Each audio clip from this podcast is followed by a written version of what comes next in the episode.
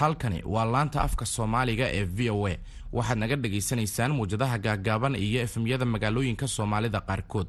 Dhegaystayaal waxaad haatan ku soo dhowaataan barnaamijyo ku saabsan daryeelka carruurta iyo madadaalada dhallaanka. Ugu horreyn ku soo dhowaada barnaamijka kulanka waalidiinta. Dhegaysi wacan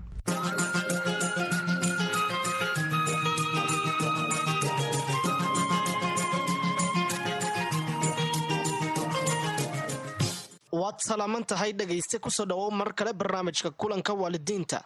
Barnaamijka toddobaadlaha ah waxaan cagta ku saarnaa oo aan dhegayste kuugu siinaa naseexooyin iyo hababka ugu fudud oo aad waalid ahaan caruurtaada u siini karto bilowga ugu wanaagsan ee nolosha. Haddii aad aabe tahay oo aad ka maqan tahay oona seegaysid barbaarinta iyo horumarka cunugaaga mar kale ka fikir. Sidoo kale haddii aad hooyo tahay adigaba ka fikir. Caruurtu waxay u baahan yihiin jiritaanka labada waalidba markay weynaanayaan si ay u horumariyaan xirfadahooda garasho jireed iyo shucuur intaba. Waalid kasta wuxuu leeyahay door gaar ah oo uu ka ciyaari karo barbaarinta ubadka. Haddii mid uu ka maqnaadana cunugu wuxuu waayayaa qaar ka mid ah dhinacyadaas koritaanka inta uu korayo. Magacaygu waa farxaan cali mukhtaar.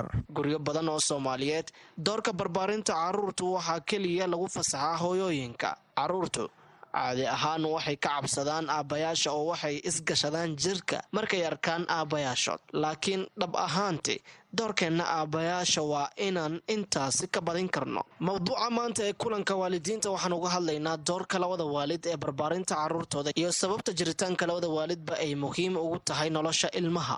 Waxaan la hadli doonnaa saamiya salaan nuur waxaana weydiin doonnaa inay inoo sharaxdo muhiimadda wada barbaarinta ubadkaay leedahay doorka aabe uu ka ciyaari karo iyo faa'iidooyinka ay leedahay marka la wadaago mas'uuliyadaha barbaarinta carruurta. Waxaan sidoo kale weydiin doonnaa waalidiinta guud ahaan gobollada doorka ay jeclaan lahaayeen lamaankooda inay markaasi la ciyaaraan. Marka dhegayso oo la jaanqaad barnaamijka kulanka waalidiinta waxaa laga dhagaystaa kenya soomaaliya iyo etoobiya oo waxaan rabnaa inaan maqalno afkaartaada dhegayste. Laga yaabaa inaad leedahay su'aal ku saabsan waalidnimada oo aad jeclaan lahayd. Mid ka mid ah khuburadeena inuu ka jawaabo ama laga yaabaa inaad haysid naseexooyin caawin kara waalidiinta kale. Xusuusnaaw kani waa barnaamijka kulanka waalidiinta ee adiga lagugu talagalay sidaas darteed hubso inaad nagala soo xiriirto. Waxaad nagala soo xiriiri kartaan oo aad fariimaha watsapka noogu soo diri kartaan nambarka ah plus labo shan afar toddoba saddex labo eber saddex labo toddoba saddex sagaal. Waxaad sidoo kale nagala soo xiriiri kartaan facebook. Ciwaankayagana waxaa weeye kulanka waalidiinta hayloobin waxaa inoo xiga barnaamijkaasi seme shoke sheeko la soco si aad u dhegaysato barnaamij kale oo xiise iyo xamaasad xambaarsan adiga iyo caruurtaadaba maanta barnaamijka siseme sheko sheeko waxaa ka mid ah waxyaabaha aad ku maqli doontaan? Maxabadan waad mahadsan tahay. Haa adiguna dheer wah wah. Waad mahadsan tahay beko. Waa kan kaadiina erni wah wah. Waad mahadsan tahay. Barnaamij aad xiise u leh balse intaasi ka hor barnaamijka maanta ee kulanka waalidiinta waxaa marti inoogu ah saamiya salaan nuur oo nala wadaagi doonta muhiimadda ay leedahay wada barbaarinta carruurta ka hor inta aanan martida ku bilaawin waxaan la hadalnay waalidiinta dhammaan gobollada waxaana weydiinay waxa ay ka codsan lahaayeen lamaanahooga ku aadan barbaarinta ubadka waxayna ku jawaabeen sida tan. Maadaama hooyo aan ahay carruurta maadaama mar kasta hooyadooda ay ag joogaan sida aabihii ay ugu baqaayeen misena ay u ixtiraamayeen hooyadii uma ixtiraamaan waayo waa qof mar kastaaba ku agdhow marka lamaanahayga waxaan dhihi lahay waa ku cabsinaya caruurtaan dhahay aabihiina imaanaya maanta dugsiya wax soo dhiganin. Hadday maarata buuq iyo qayli oo ordayan waree aayarko tartiib fariista haddii aan dhawan kari waay aabba wuu hurdaya hataan soo kicinaya. Marka inuu maarata tarbiyeeyo uu canaanto oo maarata way ka baqayan aabbo carruurta xaaskayga waxaan kala dardaarmaa ciyaalkayga. Inay ku barbaariso diinta dhaqanka soomaaliyeed ee wax walbaba soomaalinimadu iyo islaamnimadu ay ku weyn tahay inay barto. Waxaan waqti walba xaaskayga u sheegaa inay ciyaalkayga bartaan cuntooyinka soomaaliyeed labiska soomaaliyeed. Badanaa soomaalideena caruurtooda aabbayaasha kama warhaayaan biilkoo keliya ay bixiyaan. Marka aniga waxaan dhihi lahaa biilka keliya ay fiirinin. Ilmaha ha hala socdaan xaaladooda hoose si ay u noqdaan bulsho jaceyl lagu soo koriyey ku soo dhawo barnaamijka samiya salaan nuur ugu horeyn waxaan doonaynaa inaan fursad kuu sino inaad ka falceliso oo aad noo muujiso dareenkaaga ku aadan waxyaabaha ay halkani ka qeexeen waalidiinta aan la hadalnay. Maxaad ka leedahay afkaartooda? Wada korinta horta marka horeba dee way iska qeexan tahayoo waxaa ilaahay uga dhigay laba lamaane oo uu reer in loo yeelo la yeesho u amray oo haddana ilaahay ilmo u siiyey in laba qof ay wada korsadaan ilmo oo reer wada yeeshaan. Oo ma ahayn marka horeto arintu mid hal qof ku socota. Soomaalida inta badan waxay u badannahay in hooyadu ay kaalinta barbaarinta aada ugu sii badan tahay. Dad badanoo aan mar aan cilmibaari sameynaya aan la kulmay waad ka dareemaysaa xanuunka iyo diiqada ay leedahay ka maqnaashaha noloshooda aabahood ilmaha noloshooda aad bay muhiim ugu tahay labada waalid inay wada jiraan. Dabcan sababo ayaa jira waana maxay sababta ay daruuri u tahay in labada waalidba ay qeyb ka noqdaan nolosha cunuga? Ilmaha yaryarkaa markii uu hal waalid korinayo si kastoo u faraxsan yahay oo nolosha ugu dhammaystiran tahay waa mid tabhaya waalidkiisa kaleeto mana ahan keliya waxa uu tabayahay inuu waalidkiis arko oo ilan aabahoodu maanta dhan soo shaqeynaya caawa la soo seexdo ilmuhu uu arkaya. Laakiin in uu ka dhigto tusaale waalidkii oo uu aabihiis iyo hooyadiis ay uu arko ayagoo isku faraxsan oo cunugii la wada hadlahaya oo la wada sheekaysanaya oo isku si wax u barahaya. Cunug yarkaa wuxuu ka dareemayaa kalsooni wuxuu ku dareemahayaa deganaan nafeed wuxuu ku dareemahayaa isheeg maxay ahayday in la jecel yahay. Wuxuu ku dareemahayaa in ka tirsan yahay qoys muhiim ah oo noloshiisana muhiim u ah waa tahay inta badan qoysaska soomaalida aabayaasha ayaa ka maqnaada nolosha carruurta arintaasi ma tahay mid u baahan in wax laga bedelo sabab? Waa arrin aada ugu badan soomaalida dhammaanteed. Aabayaashu inta badan waxay ku mashquulaan shaqada kore iyo mas'uuliyadda. Badanaa uma badna aabayaasha soomaalida inay gudaha reerka u sii galaan oo hooyaday iska xijiyaan dhankaas. Sida markii baaritaan iyo wax walba la sameeya lagu ogaadana waxay tahay ilmuhu inay saameyn xoog badan ku leedahay aabaha ka maqnaanta noloshiisa. Oo wiilkii oo kaleeto aabihii ninbay isla yihiin oo aabihiibaa aada ugugu sii dareen badan waxyaabaha wiilnimadu tahay meesha uu ninnimo nolosha ka geli lahaa. Aabihiibaa waxaa laga doonaya inuu steb steb loo socdo oo cunugii uu waxsheeg iyo tusaaleyn ku wado sidoo kaleeto gabadhiina gabdhaha aan aabahood soo korin oo ays aabahoodna noloshooda aada ugu dhex jirin waxaa ku dhacda in ay inta badan ama ay ragga qaladka aaminsanaadaan oo ay hadhowti noloshaas la qabsan waayaan ama ay noqdaan kuwo daciif ah oo mar walbeed u jajaban dhankii ragga. Aabayaasha soomaaliyeed marka aniga waxaan dhihi lahaa gudaha u soo galay reerihiina ee aad cunuga noloshiisa gudaha u soo gashiina la saaxiibtiin. Waa nolosha qeybta ugu fiican ee ilmo ay soo maraan waa tahay ka waran hooyooyinka iyagana sida ugu habboon ay door ugu yeelan karaan horumarka carruurta ayaduna waa qeybta kaleeto oo aada u muhiima hooyadu waxa ay weliba ay ayadu jaanis u sii haysataa in ilmihii ayadu aada ugu sii dhowdahay. Markii caloosha ku sii debay soo barbaarin kartaa oo markii ay dhashaybay aabihii uga sii dhowdahay oo ayadu ay umushii la gelaysaa oo ilmihii dareenkoodii taqaanaa oo dabeecadoodii taqaanaa oo waxay ilmuhu jecel yihiin iyo waxay necab taqaanaa ayada marka jaanis waxay sii haysataaba aabaha ka sii badan oo ay ilmihii xiriirkeedii ku tusaaleyn karto. Ilmaha yarkaana hooyada ayuu aada ugu kalsooni badan yihiin markii aabe iyo hooyo la yiraahdo. Ilmo waxaa iska jira oohin badan oo kaleeto markay dhashaan. Hooyo hadday noqoto fahanto cunugan oo mar walbeeto u jawaab celisaa waxay sahlanaanaysa cunugaas yarkahay inuu saddexdii sane nolosha ugu horeysa uu cunugka kan oo dhib badanoo oohin badanoo uusan noqonin oo uu noqdo cunug emotional dareen ahaan caafimaad qaba oo hooyadii asaga xiriirkiisa ay wanaagsan tahay. Hooyada waxaa weyaan waa tiirka nolosha ugu muhiimsan. Maxay ka dhigan tahay marka ilmuhu ka baqo mid ka mid ah waalidiinta? Tusaale ahaan aabaha. Waa arrin aan aragna mar walbeeto inteena badan laga yaaba inay soo martay in waan aabayaasha ay ilmuhu aada uga baqaan. Weliba waxaa jirta ilmo aysan aabahood issalaami karin xitaa oo ilmaha yar uusan xaggaa u soo dhaafin. Taasina waxay ka dhalataa in aysan jirin ilmaha yar iyo aabaha xiriir ka dhexeeya oo xiriirka hoose oo waxaa markiiba laga dareemi karayaa in aysan wada xiriiritaan soka aysan jirin. Waana arrin murugo leh in waalidkii dhanoo dhalay ee cunuga tusaalaha u ahaa ee u ahaa meeshii uu wax ka baranhayay ee qofkii ahaa inuu tala siiyo tusaale haddii uu ka baqayo uusaban laba hadli karin ama uusa u soo dhowaan karin waxayna ku sababaysaa cunugaas. Cuqdad nafsi way ku sababaysaa waxay ku sababaysaa inuu maxay ahayday uu dad badanoo uu wax weydiisan lahaa mustaqbalka ama uu la dhaqmi lahaa ay ka saameyso cabsidaas uu waalidkiis ka cabsan jiray waxay ka sababaysaa waalidkii ilaa iyo xeerka noloshooda sii dib sii soconaysa inaysan kalsooni iyo ka dhexaynaynin aabihii iyo ilmihii. Waa tahay waxaa jira waalidiin kala tagay mise lamaano kala tagay markaasi. Maxaa looga baahan yahay waalidiinta keligood ah siday bay ula shaqayn karaan lamaanahoodii hore? Horta waalidnimadu iyo barbaarintu waa arrin mar walba taagan haddii lakala tago iyo haddii lasqabo waxaana muhiima inaad maskaxda ku haysid. Ilmahaagan yar waad dhashay adigu haddii aad hooyadiis ama aabiis a isfurteenna mar walbeeto adiga xaqi uu kugu lahaa meesha kama bixin. Ee keliya qofkan baa kala tagteen. Inta badanna wax qaladka nagu dhaca anaga waxawaay waxa u malaysaa aabayaasha soomaaliyeed. Marka hooyada furaan cunugana waa furaan. Waana arrin aad oo qalada oo xanuun badan. Marka waxaa laga doonayaa labadan qofi way nolol way wadaageen si kasta ha isku furaan laakiin waxaa ka dhexeeyaan ilmo yar. In aysan ayaga ay gees iska dhigaan wax ayaga ka dhexeeya oo ay meel iska dhigaan oo ayagu siay ku xalisan ku xalistaan laakiin markay ilmahan imaato ilmahan noloshooda inay diiradda saaraan oo ay ilmahan yarkaa mas'uuliyadiisii waalidnimo ay labadoodiiba ay waajibkana ku tahay ay ka soo baxaan. Waa tahay taladaada waalidiinta?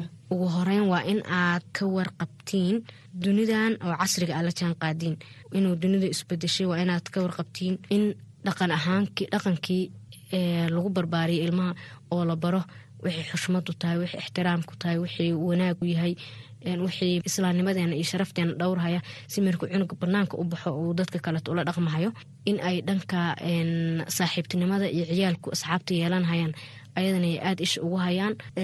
Waxaa ka mid a ayadana social mediada hadan ku soo laabto ilmuhu sida u isticmaalahayaan iyo wuxuu ka isticmaala ilmahaaga yarka inaad saartid ayadana xoog. Waa tahay hagaag haatanna su'aalaha iyo falcelinta dhegeystayaasha dhammaan gobollada jabuuti hadan ku hormarno. Maxamed axmed wuxuu weydiinayaa yay tahay mas'uuliyadiisa in uu u qaado go'aan carruurta mas'uuliyaddu iyo go'aan qaadashada ilmaha labada waalid baa horta madax ahaan ugu sareeya cunugana haddii uu yahay cunug soo dhaafay darajadii saddex sano iyo inuu go'aamo nolosha ku leeyahay.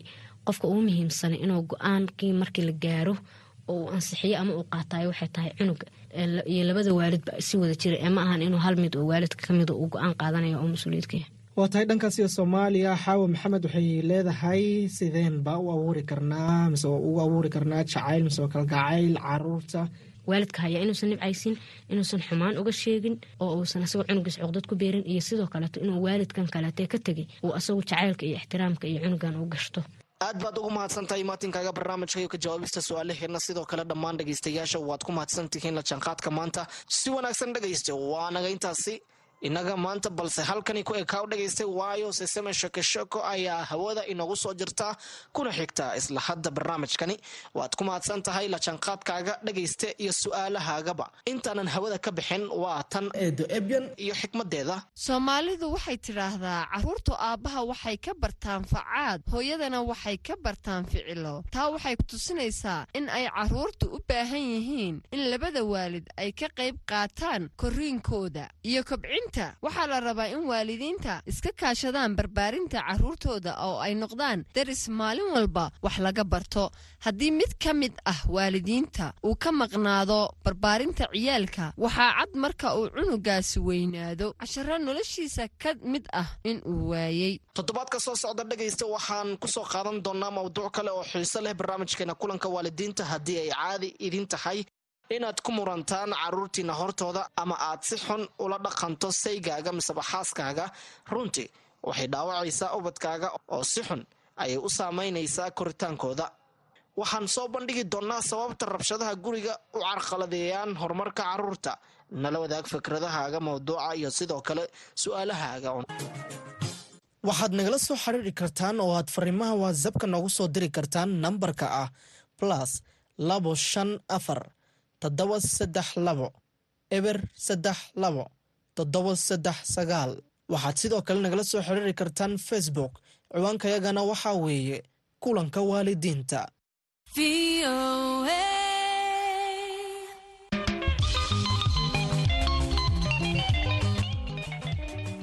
Weli dhegaystayaal waxaad nagala soconaysaan laanta afka soomaaliga ee v o a. Haatanna waxaad ku soo dhowaataan barnaamijka madadaalada carruurta ee sisimi sheeko sheeko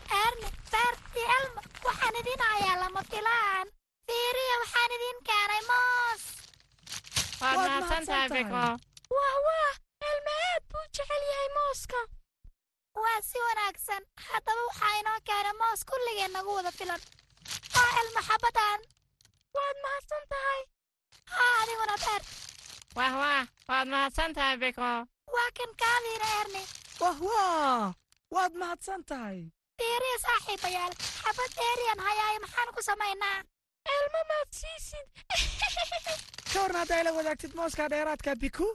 Waan jeclaan lahaa aniguna waan jeclaan lahaa biko muusku waa khudaaraan aad u jeclahay xabad moos ah baa soo hartay. Waxaan nahay afar qafood haddaba maxaan ku samaynaa haddii aan hal qof siiyana ma fiicna waayo kulligiin waxaad jeceshihiin mooska haddaba maxaan samaynaa elmaa garanaya aan weydiinno saaxiibbadeen haddaba asxaabay adoo haya hal shay sidee baa loogu qaybiyaa dhowr qof qofba in buu cunayaan waan kala qaybsanaa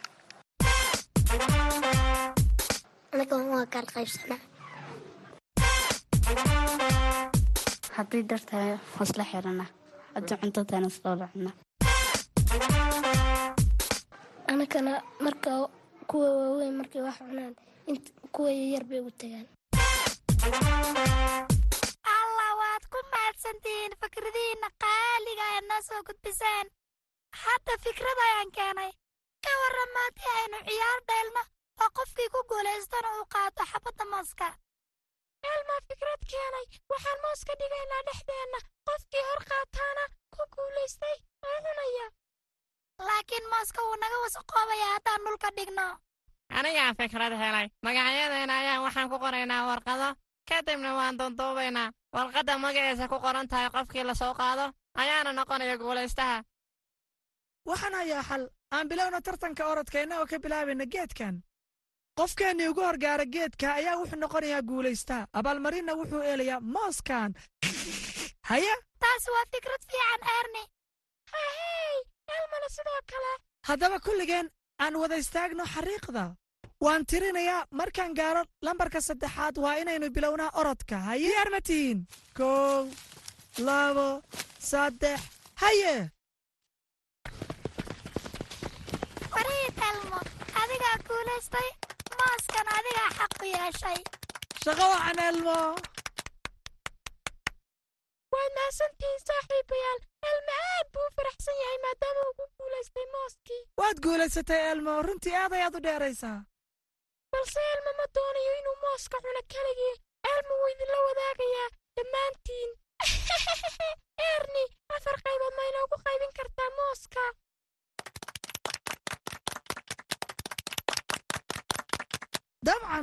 wadaa elmo wakaa waxaanu jarayaa afar qaybood. Afarteennaana kala qaadanayna hataa qof walba mooska jab ayaa ka soo gaaray. Elmo si fiican ayaad noola wadaagtay waana mahadsan tahay. Haddaba erniyo su'aal baan kuu hayaa anigu. Erni waxaan rabay inaan ogaado sida asxaabta kalena ay wax u wadaagaan. Waa su'aal aad u wanaagsan. Haddaba aan jawaabta raadiyo waa idin salaamay waa mar kale iyo erni iyo socdaal kale. Waxaana doonaya inaan su'aal weydiiyo gabdhaha iyo wiilasha ku sugan beertan. Waa idin salaamay waxaan ahay aanas oo ka socda barnaamijka sisimi sheeko sheeko. Waan ku salaamay ern magacaygu waa cabdilatiif anigana magacaygu waa shamsa. Anigana magacaygu waa nasiib. Waa idin salaamay ma idin weydiin karaa su'aal? Sidee saaxiibadin wax ula wadaagtaan saaxiibbaday waxaan ula wadaagaa ama aan wax ula qaybsadaa? Intaan tiriyo intaan nahay iyo waxaan haysanno. Markaasi qof kasta waxaa ku soo aadaya qayb. Maalin maalmaha ka mida saaxiibkeebaa wuxuu watay afar juglaataa. Waanan qaybsannayo waxaa qof kasta ku soo aaday laabo.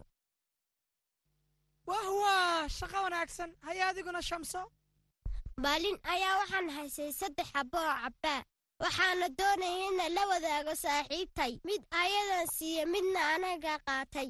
Kii dheeriga ahaana waxaan siinay walaasheed. Aadna way ugu faraxday. Waa si wanaagsan waxaad hesha xirfadaa kula wadaagtay saaxiibada. Hadda aniguna waan ogaaday haya adiguna nasiib. Mar walba waxaan hubiyaa inaan la wadaago walaasha iyo walaalkay. Wax walba aan haysto iyaduna way ila wadaagaan sidoo kale waxaan dhammaantood isla ciyaarnaa. Aan isla wadaagnaa alaabalaabeen. Waxaan jecelay inaan wax walba wadaagno si aan kulligay wada faraxno. Sidoo kale waxaan wadaagnaa cantooyinka aan jecelnay sida mooska. Waxaan isku daynaa inaan u qaybsanno si isleeg laakiin haddii wax soo hadhaan waxaan qabsanaa tartano. Qofkii ku guulaysta ayaa u qaata abaalmarin waa si wanaagsan haddaba rumayso ama rumaysan markaan anigu doonayo inaan la wadaaga saaxiibada abitaydeyda waxaan ku idhaahdaa dhufta dhinaciinna waa ku mahadsantiin jawaabtiinna haddana ku soo dhowaada xarafka maanta iyo abi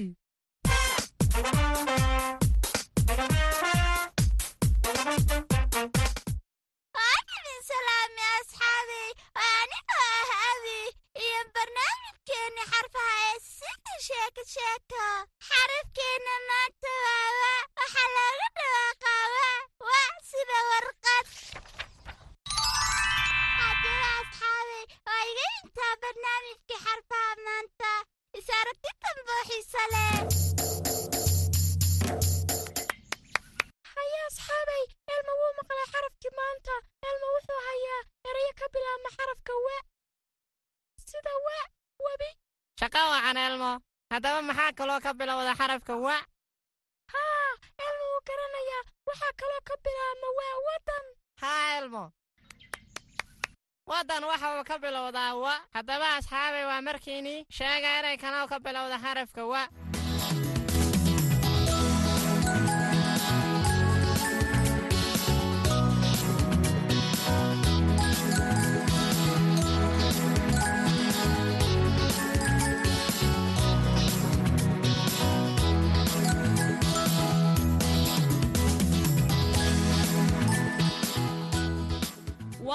salaamay carruure waxaan ahay ilmo hooyadiis. Maanta waxaan idinku luuqayn doonaa hees aad u macaan. Heestan oo ka hadlaysa isla wadaagga waxaan rajaynayaa inaad kulligiin ka wada heli doontaan. Aan isla wadaagno wadaagno bombalayaasheenna. Oo isku naxariisanno mar walba iyo goor kasta. Waa maadiyo farxad markaaynu saaxiibadeen la joogno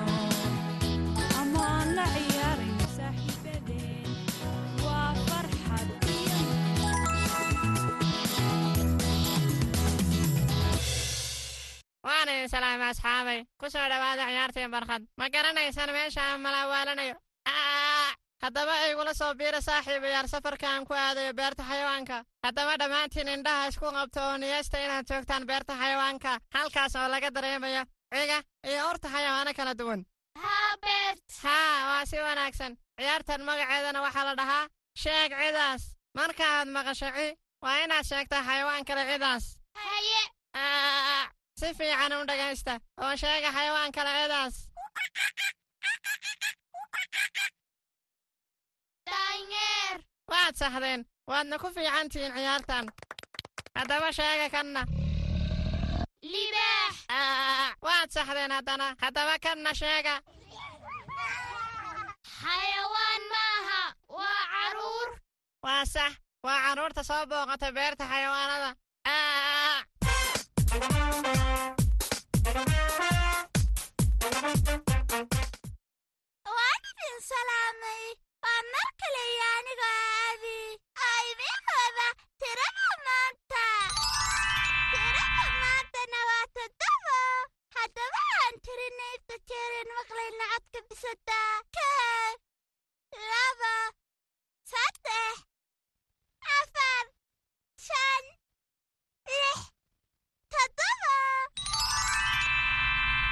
haddaba asxaabay ma xasuusataan tiradii maanta haa tirada maanta waa toddobo waxay ahayd hagaag haddaba halkaa ka wada tirada nabadgelyo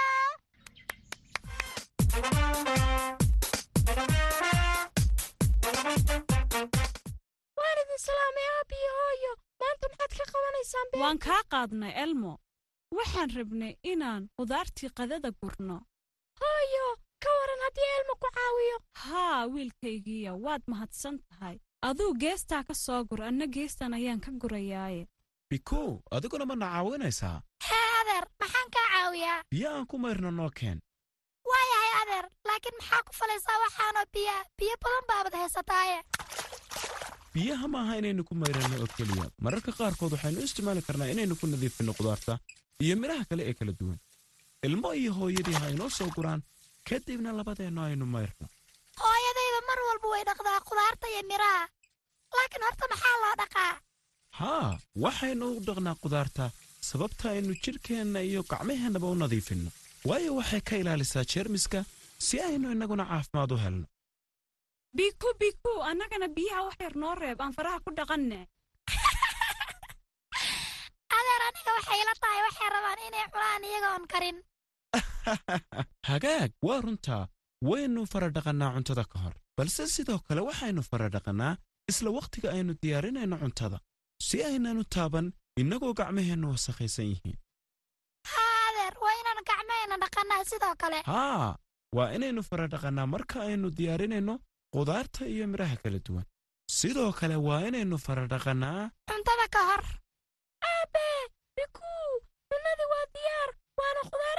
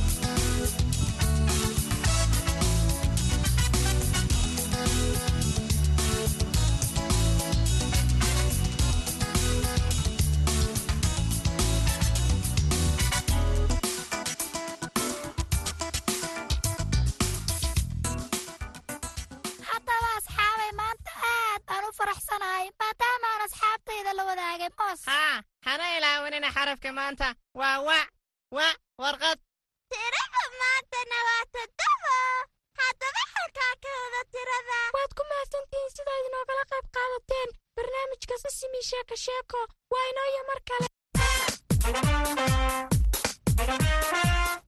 naseexada maanta waalidiinta qaaliga ah la hadal carruurtaada kuna dhiirigeli inay la wadaagaan dadka kale. Waxooda u sheeg buugga in lala wadaago ardayda iskuulka. Cuntadana lala wadaago qoyska ama waxyaabaha oo lala wadaago asxaabtaada ay dadka ka dhigto mid faraxsan oo isku kalsoon.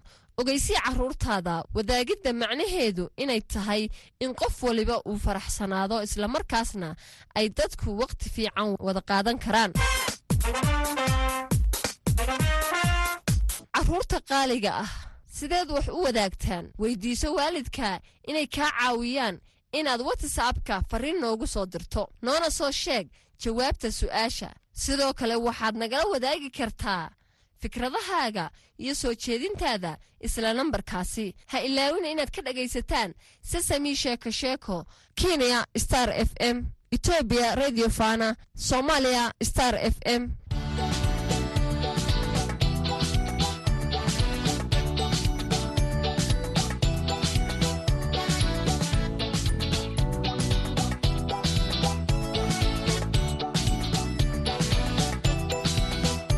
intaasina dhegaystayaal waxaa ku dhan barnaamijyadii kulanka waalidiinta iyo si sami sheeko sheeko.